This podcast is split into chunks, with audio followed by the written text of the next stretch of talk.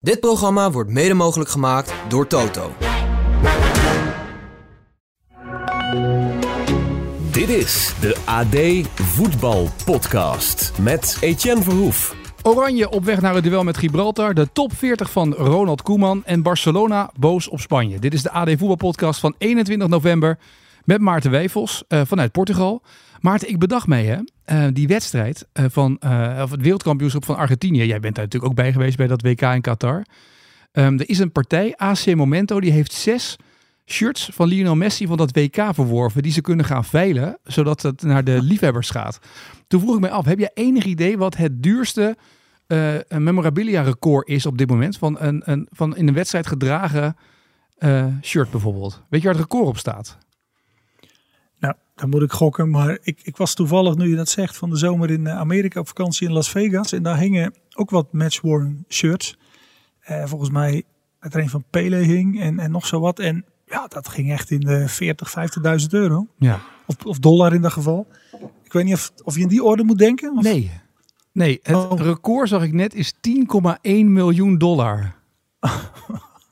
ja, daar kun je heel veel shirtjes voor kopen nou, eigenlijk. Maar, maar ja. als het een shirt van Maradona zo tegen, van Messi gaat, het gaat om shirts van de wedstrijd tegen Saoedi-Arabië, Mexico, Australië, Nederland en Kroatië en de finale tegen Frankrijk. Zou dat record ja. aangaan, denk jij of niet? Dat lijkt me wel. Ja, hè? Maar hoe dat dan gaat, hè? Want ik las laatst een interviewtje met Q Jalins in, uh, op de Voetbal International site. En um, uh, natuurlijk oud speler. Mensen kennen hem nog wel, AZ, ook Nederlands elftal. Die woont nu in Australië. Um, maar die was op de Olympische Spelen van 2008. Was hij met, uh, met, met Jong Oranje, zeg maar, met Nederland. En toen was er ook een strijd wie shirt van Messi. Want de speelden ze dat tegen. Hij was een, een, een dispensatiespeler, denk ik. En toen vertelde hij hoe dat was gegaan. En dat hij, hij had hem uiteindelijk gewonnen, zeg maar, de, de, de, mm -hmm. de strijd. Omdat hij ploeggenoot was van die Sergio Romero. Okay. De keeper die natuurlijk ja. bij AZ uh, speelde. Dus toen was, hij zei dat er allemaal Nederlandse spelers op, op die deur van die kleedkamer aan het kloppen waren. En dat, dat ze binnen wilden en allemaal wilden ze dat shirt van Messi. Maar die Romero had het al achterlangs gesluist naar, um, naar Q. En die zegt, ik heb het meteen snel onder in mijn tas gestopt, uh, veilig gesteld. En ja, hij is de trotse bezitter van, uh, van dat shirt van Messi. Toch zie ik zo gaat dat. Toch een beetje terug dat er allemaal van die spelers van het Nederlands elftal op die deur staan te bonzen. Messi, zo'n soort Sinterklaasavond, pakjesavond waar geen cadeautje voor uitkomt uiteindelijk. Ja, nee, ja, precies. Dan ben je dus te laat. Want je ploeggenoot heeft al via een andere weg uh, dat even geregeld. Ja. ja, dat is het inderdaad, ja. Nou goed, Oranje op weg naar Gibraltar. Koeman op de persconferentie had begrip voor Wout Weghorst te worden. Er waren weinig mensen die daar begrip voor hadden, maar Koeman wel, begreep ik. Ja, maar ik vond dat hij dat... Ja, goed, uh, ik zal er wel weer een afwijkende mening over hebben, maar ik vond dat hij dat prima deed. Hij zegt, kijk, uh, ik kan me best iets voorstellen dat je dat zegt. Of het verstandig is, is een tweede. Maar, weet je, ik zat er zaterdag natuurlijk ook weer over na te denken. Er is, er is een er zijn nog steeds blijkbaar mensen die de lat van hè, de wereldtop over het Nederlands elftal leggen. En het moet vermakelijk zijn en het moet met drie spitsen zijn en het moet dit en het moet dat en allemaal moeten. Maar kijk nou eens naar dit elftal. Um, dat is geen, geen, geen top meer. En natuurlijk is het beter dan Ierland. Maar als je weinig automatisme hebt en je hebt hè, begrensde spelers en, en het is ook nog november en de tegenstander um, ja, wapent zich ook ja, Frankrijk wint uit met 0-3 van Gibraltar, om een voorbeeld te noemen. Ze winnen nu dan 14-0, omdat jij, hè, jij hebt ja. eigenlijk verteld waarom dat is. Omdat die coach en die speler niet meer met elkaar door een deur kunnen. Maar uit wordt het 0-3. Dat is ook de realiteit. Ik begrijp gewoon niet hoe je dan het Nederlands elftal gaat kijken. Dat je dan voor tv gaat zitten en dan gaat denken, nou, maar vandaag gaan we toch eens verwend worden. Dit wordt met een gala voorstelling. Ja, dat is toch helemaal niet zo. Nee, maar tussen gala dus waarom zou je dan, en iets beter voetbal waarom, zit nog wel een verschil, toch? Ja, maar, maar, dat is, maar dat is iets anders. Dat is inhoudelijke kritiek. Als Wout Weghorst dan de vraag luister Wout, jullie zetten zo en zo druk in de eerste helft en dat liep niet of dat, dat deed je niet goed. En leg eens uit waarom. Dan heb je een inhoudelijk debat. Maar, maar nu, ja, wordt er een vraag aan hem gesteld en dan moet hij dan maar plomp verloren op antwoorden. Terwijl hij zich net voor het EK heeft geplaatst. Ja, het is toch een beetje effectbejag. En dat gaat ook bij die, bij die persconferenties van Koeman ook. Ja, dan is het toch weer de quotejes scoren voor s'avonds op tv. Ja, ik, ja, Goed, ik heb er volgens mij al vaker wat van gezegd. Um, ik vind het een jammerlijke ontwikkeling, maar ja, we houden hem ook niet tegen. Dus uiteindelijk moet iedereen doen wat hij wil. Maar het, het, het, ja, het geeft wel een beetje de sfeer aan. En um, dat is ergens wel jammer, vind ik. Ja, Want er zijn zoveel dingen te vragen. Stefan de Vrij ja. zat hier achter tafel um, gisteren. En ja, dat zijn natuurlijk hè, hij gaat geen ellenlange monoloog houden, maar die zegt dan toch een paar dingen. En er werd de vraag gesteld van is omgaan met teleurstelling en dan toch hard blijven werken, is dat moeilijk?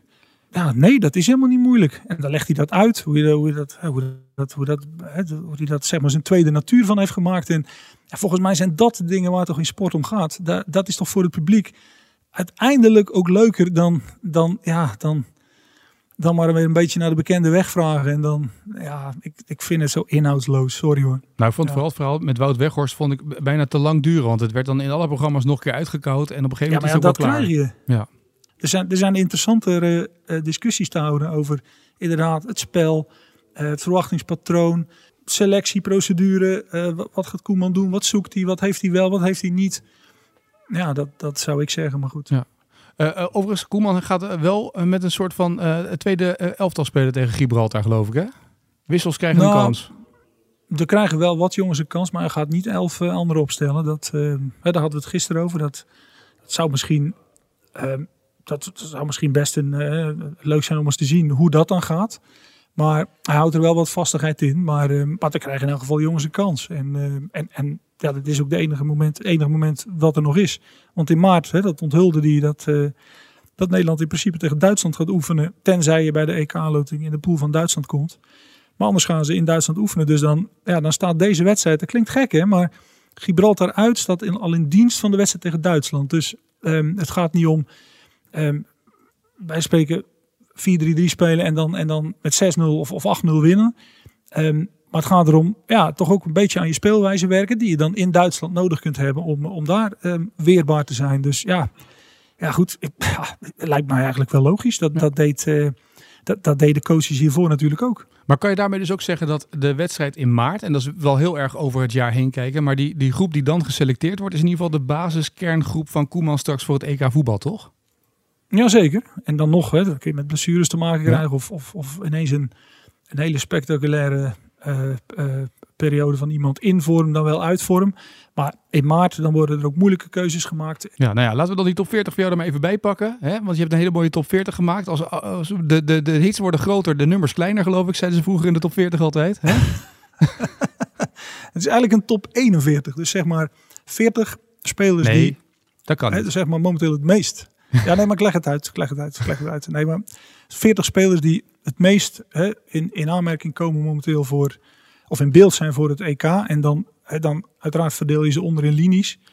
Um, en dan heb ik ook nog een, uh, een 41ste speler, omdat Jurien Timber, hè, dat is normaal gesproken een vaste waarde altijd geweest. Die is zwaar geblesseerd geraakt begin dit seizoen. En ja, het is nog steeds natuurlijk niet duidelijk hoe die er in 2024 straks voor zal staan. Maar ik ga er een beetje van uit. Ook wat je hoort aan geluiden, dat, dat ja, Arsenal, hè, zijn club, die zullen natuurlijk geen risico nemen. En die zullen waarschijnlijk wel zeggen, joh, laten we verstandig zijn en jou in de voorbereiding op het nieuwe seizoen laten instromen. Maar je weet het maar nooit. Dus hij staat er met potlood als 41ste bij. En de nummer 40 in de lijst, dat kan ik dan ook wel zeggen, dat is dan Luc de Jong. Omdat dan, daar natuurlijk ook, dus de spitsen komen, ja. je begint bij de keepers, 1, 2, 3, 4 en dan zo naar onderen. Dus de spitsen komen, het aanvallers komen aan het einde. Dus Luc de Jong dan op 40 omdat daar natuurlijk toch de, de, de zweem omheen blijft hangen. Dat Koeman hem, hij heeft hem nu gevraagd. Um, hij gooide de deur nog steeds niet helemaal dicht. Luc de Jong zelf momenteel niet. Maar ja, dat straks eindseizoen is, hij zit er lekker in. En, en Koeman zou zeggen, ja, ik, uh, op dat EK, ik, uh, we gaan het toch nog één keer samen doen, Luc. Dan, dan, dan ligt die weg misschien best open. Dus dat is de prikkelende nummer 40. En voor de rest, um, ja, voor de rest heb, heb, ik dat sowieso op een rij gezet. En dan zie je, ja, dan zie je wat, wat je tot nu toe het beeld is dat uh, bij de verdedigers, zeker centraal, enorme keuzes. Ja. Um, wordt echt nog een, een strijd wie daar uh, die plekken gaan bemachtigen. Want ja, je neemt natuurlijk niet alleen maar centrale verdedigers mee, zo simpel is het. Dus, maar ja, wat, wat voor wapens heb je nodig? Hè? Kijk, de vrij en blind hebben we behandeld in de podcast. Ja. Routine, dat spelinzicht, oriëntatie. Die twee moeten mee als backup. Maar bijvoorbeeld Mickey van der Ven moet ook mee. Want dat is, die, dat is een soort roadrunner qua snelheid. Als jij, stel in een knock-out fase, je wil van bank gaan spelen. Gooi er van der Ven maar in met zijn snelheid. Ja, dan, dan die, die, die kan met 50 meter in zijn rug spelen als jij alles of niks gaat, uh, gaat voetballen. Dus dat, dat is ook zo'n specifieke kwaliteit, die neem je mee. Nou, op het middenveld hebben we ook behandeld hè, over hoe, met hoeveel. Je moet eigenlijk een soort, eigenlijk moet je een soort Thomas Müller zien te vinden Een speler die weet wanneer je de extra aanvaller kan worden en wanneer je de extra middenvelder kan zijn. Uh, Louis van Gaal nam heel lange tijd Davy Klaassen mee, omdat hij dat, dat spel snapt. Maar Klaassen is reserve bij Inter, zit niet meer in die lijst van 40, die, die gaat het EK niet halen. Dus ja, dan ga je op zoek. Uh, ik denk dat um, Tiani Reinders dat zou kunnen, een soort box-to-box middenvelder. En dan kom je weer bij de vorige periode van Koeman. Kijk, dat zijn de interessante dingen, denk ik. Toen was Wijnaldum die man, hè, die pendelde. Die, pendel, die pendelfunctie, weten wanneer je met zijn dynamiek, wanneer je bij de, het doel, bij de spits moest aansluiten, wanneer je je middenveld moest helpen. Dus ja, ik, ik, ik zou toch wel eens willen zien in maart, bijvoorbeeld tegen Duitsland, dat Reinders een positie verder naar voren speelt. Dus een van de, van de tienen van Oranje, in plaats van nu als een soort zes. Ryan Gravenberg viel de naam in de persconferentie. Blijft ook een speler met een geweldig potentieel. En is ook nog niet kansloos voor het, WK, of voor het EK. Dus nou, en zo kun je doorgaan. En ja, de, de probleemlinie, hè, dat hebben we ook geschetst. Dat blijft de, de, de, de voorhoede. Ja, daar blijft rechts voorin. Ja, er is nog steeds geen speler die de 1 tegen 1 domineert. Zoals um, PSV dat toch heeft in hè, de pas, pas 20-jarige Bakayoko. Ja, dat, zo'n speler hebben wij niet. Ja, dan wordt Stengs wordt genoemd, maar Stengs is nooit constant. Dat, dat, dat kan wel een keer, maar dat, dat gaat op dat echte topniveau is dat nog totaal onbewezen. Xavi Simons zou vanaf die rechterkant kunnen spelen. Maar we zien nu in het Nederlands zelf hoe het shirt weegt. Het is niet makkelijk hè. Hij nee. hikt er tegenaan. We hebben het erover. Dus dat is ook geen uitgemaakte zaak dat hij dat even invult als je dat zou willen. Dat blijft lastig. En, en ja, het, het zou toch ook nog wel wenselijk zijn als er voor maart um, of Dallinga of misschien um, Zirkzee, Joshua Zirkzee in uh, ja. Italië, dat die zodanige groeispurt nog maken dat ze, dat ze misschien nog een verrassing kunnen zijn als een, als een, als een, ja, een dark horse in voor de spitspositie. En je proeft dan alles. Um, Koeman hoopt heel erg dat Memphis Depay het nog één keer gaat doen. Maar ja, laten we eerlijk zijn, sinds zijn uh, zware knieblessure en de geforceerde revalidatie is hij nooit meer fit geweest. En of dat nog gaat veranderen. Van Gaal heeft er ook op gehoopt. En hij wachtte en hij wachtte en hij wachtte en hij wachtte. En uiteindelijk op het WK werd hij teleurgesteld. Want ja, een speler zonder ritme, zonder fitheid. Dat, uh, die had geen basis. Nee. nee. En het interessante is natuurlijk dat je uh, ook nog eens een keer misschien wel wilt kunnen variëren in zo'n wedstrijd. Dus dat je ook mensen moet hebben die zowel 5-3-2 of 3-4-3 als 4-3-3 moeten kunnen spelen. Ja, ja nee, maar daarom op die variatie selecteer je ook. En, en ook een factor gaat ook een rol spelen. Je selecteert de beste 23. De beste wil niet altijd zeggen de, de technisch beste of karakter is ook een kwaliteit. Als jij vier of zes weken met elkaar moet optrekken, ja, dan wil je, dan wil je geen, je wil spelers hebben die energie brengen aan de groep. En je wil geen spelers hebben die energie kosten. Dus ook dat gaan zij afwegen. En ja, de twee Koemannen hebben ooit natuurlijk het EK gespeeld onder leiding van Rinus Michels. We weten het ja. nog, hè? Daar speelde uh, zeg maar de, de nummers 17 en 18 in de selectie. Dat waren de Henry Kruse en, en Wilbert Suvrijn. En, en um, Sjaak Troost ging mee. Terwijl bij spreken ook Danny Blind mee had gekund. Maar dat was dan, hè, die ging niet spelen. Nou, dan, dat, dat is dan misschien ook een andere rol dan, dan als je wel speelt. Hè. Dus dat zijn allemaal zaken. Fred Rutten heeft het wel eens verteld. Fred Rutten zei, ik dacht echt dat ik meeging naar het WK. Of naar het EK in 88. Ja. Goed gespeeld bij Twente, de aanvoerder. Maar Michel zei, ja, maar ja, de aanvoerder die, die heeft dan toch verwachtingen. En ja, ik heb wel goede spelers nodig, maar ik, ik, ik heb geen spelers nodig waar, waar dan misschien de teleurstelling omheen gaat hangen. Dus dat is ook een selectie formeren. En daar ben ik ook benieuwd naar hoe dat, uh, hoe ja. dat gaat. Ja, je moet een beetje, ik heb wel eens geleerd, ook in, in de NBA zeggen ze dat ook altijd. Je hebt, je hebt de starting five, zeg maar. Je hebt je starting line-up. En die jongens die erachter zitten moeten op elke training, want tijdens het seizoen train je in de NBA ja. veel minder. Ja. Maar op elke training moet je dat die net laten zien, ik ben er klaar voor. En dat die net even wat meer geven om die basis uit te dagen. Nou ja, dat is het. En, en, en dat was dus bijvoorbeeld de rol van Henry Kruse. Uh, dat Michels heeft het ook wel eens gezegd later, dat hij ook zei tegen de jongens van uh, vandaag, uh, geef maar een klein tikje van Basten of uh, Gullit. Of, dat, dat, even, zo, maar dat dat, dat, dat, scherp, dat mag scherp gaan. Dus Michels initieerde dat zelf. Ja, dat hebben we natuurlijk meer gezien, hoe dat, dat, dat het zo werkt. En dus, ehm, en, dus, en dus zijn dat allemaal factoren die meespelen. Je mag er maar 23 meenemen, waarvan ook nog drie keepers. Dus... Um, Ga er maar aan staan. Ja, ik vind, nog, uh, ik vind in dat best kader, slapeloze nachten. Ja, ik vind het in dat kader best interessant. Want je hebt natuurlijk Weghorst wil altijd spelen en vindt zichzelf, uh, weet je wel, echt een spits die. Ja. Uh, maar in hoeverre kan dat meewegen? Of zeg je dan toch, als ik dan de Jong kan meenemen, even zou het daarom gaan? Hè? Die gewoon zegt, ik ga mee en ik ben er op het moment dat ik het nodig heb. Ja, maar ik denk dat Luc de Jong wel, die, heeft, die is natuurlijk toch ook mede afgehaakt. Omdat hij, hij vindt dat hij er heel veel in heeft gestopt voor het Nederlands elftal, maar uiteindelijk dan toch weinig terug heeft gekregen. Het is niet dat hij dat iemand verwijt, maar dat is zijn, ja, gewoon de, de, de, de, de feitelijke constatering. Mhm.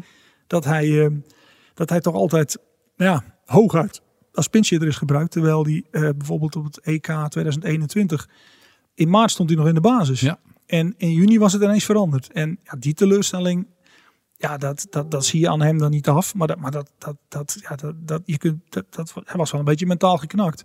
Dat zou Koeman wel moeten afwegen. Als hij Luc de Jong echt zou vragen, dan, ja, dan moet je hem ook iets voorschotelen waar hij wat aan heeft. Want anders, anders hoef je het natuurlijk niet te doen. Nee. Maar goed, ze vielen tegen Argentinië op het WK met Van Gaal. Vielen ze allebei in, hè? Ja. De Jong en, eh, en Weghorst. Dus dat, zou ook nog kunnen. Eh, heb jij nog verrassingen erin zitten eigenlijk, eh, in je top 40? Van dat je denkt, nou dit is echt een verrassing, die gaan we nog, daar gaan we nog wat van zien.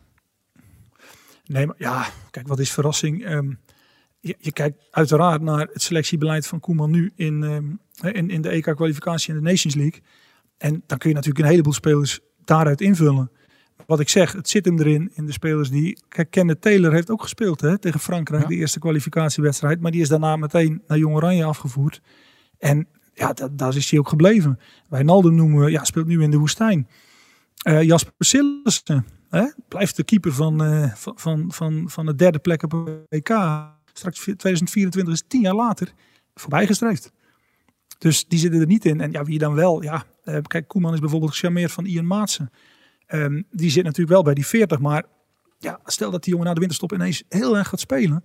Ja, misschien neemt hij hem dan wel mee voor de linkerkant. Want het is wel een speler, kan linksback, kan wat meer op middenveld, kan over, eventueel nog aanvallend. Ja. Daar zijn ze wel van gecharmeerd. Dus dat, dat zou zomaar een, verrassende speler kunnen zijn. Ja, nou, ik miste eigenlijk vooral het aandeel nog Excelsior erin. Want er zijn nu al drie spelers van Excelsior, voormalig spelers, geselecteerd. Dus ik dacht Oh. misschien dat er nog iets bij moet. Even om alvast de druk neer Ja. te leggen daar. Ja, nou ja, je mag. eh, nou ja, misschien heeft Marines nog een, eh, nog een geheim, eh, geheim tip. Geheim, geheim wapen. Wat nog, Gassel eh, of zo. van het seizoen. eh, Ja, precies. Ja. nou ja, wie weet. Hey, dan nog even één ding. Je had het gisteren in de podcast over bondscoaches die een soort van paniek al aan het bellen zijn. Hè, met, of die telefoontjes krijgen van die clubcoaches van pas op met mijn speler.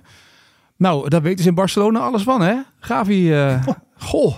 Nou ja, maar dat is, dat is natuurlijk een rampscenario hè, als je dat meemaakt. Ja, En daarom ook die wedstrijd tegen Gibraltar. Ja, ehm, eh, Koeman noemde het ook eh, nog eens expliciet. Het gaat om, om zoveel mogelijk scoren. Maar het gaat toch ook heel erg om, om heel te blijven. En ja, het spookbeeld Daily Blind, we hebben het benoemd gisteren in de podcast. Ja, dat hangt boven zo'n wedstrijd. Dat moet je gewoon echt niet hebben. Dus dan maar eh, twee goals minder dan, ehm, en, en, en heel van het veld. Dan, dan een recordzegen en, eh, en, en, en brancards in de dugout. ja, precies. Maar dat is een beetje nu wat eh, die Spanje. Maar je kan ook niks aan doen natuurlijk. Dat is een beetje het lastige. Nee, natuurlijk. Nee, maar het is, ook zo'n discussie. Dan moet dat interlandvoetbal maar afgeschaft worden. Nou, er is natuurlijk een spanningsveld en dat wordt alleen maar groter. Clubvoetbal, interlandvoetbal. Maar het is er nu. Ja. Dus ja, dat, dat- dat kun je natuurlijk ook niet zeggen, doe maar niet. Ja, nee, dat gaat niet. Nee, dat is waar. Dat is inderdaad een feit. En dan gaan we tot slot, Maarten, van deze podcast natuurlijk wel weer naar onze dagelijkse rubriek. Dat snap jij natuurlijk wel, hè? De vraag van vandaag. En eh, de vraag was gisteren, nou, die was van jou. Eh, dat ging over eh, de, de bondscoach natuurlijk. Van de Uruguayaanse bondscoach van, van Gibraltar. Nou, Nederland speelt dus tegen Gibraltar. De bondscoach van Gibraltarezen is Julio Ribas. Maar die man heeft een, ja, een, een, een, een leuke bijnaam. Wat is zijn bijnaam? Ehm, veel antwoorden, de mensen die het goed hadden trouwens. Onder andere Joep Koppert stuurde een berichtje en die zei... Het kader van de eervolle vermelding... De bijnaam van Julio Ribas is Gladiador. Wel, de gladiator. Prachtig, maar ja, eh, ben benieuwd hoe de gladiator er vanavond bij loopt, hè? Nou ja, we gaan erop letten hoe dat, eh, hoe dat gaat. Ja. Ik ben echt heel benieuwd hoe dat in die wedstrijd gaat. Als die spelers Ja. echt, als dat verzet er echt is... dan zou je dus daar dingen van moeten kunnen zien, toch?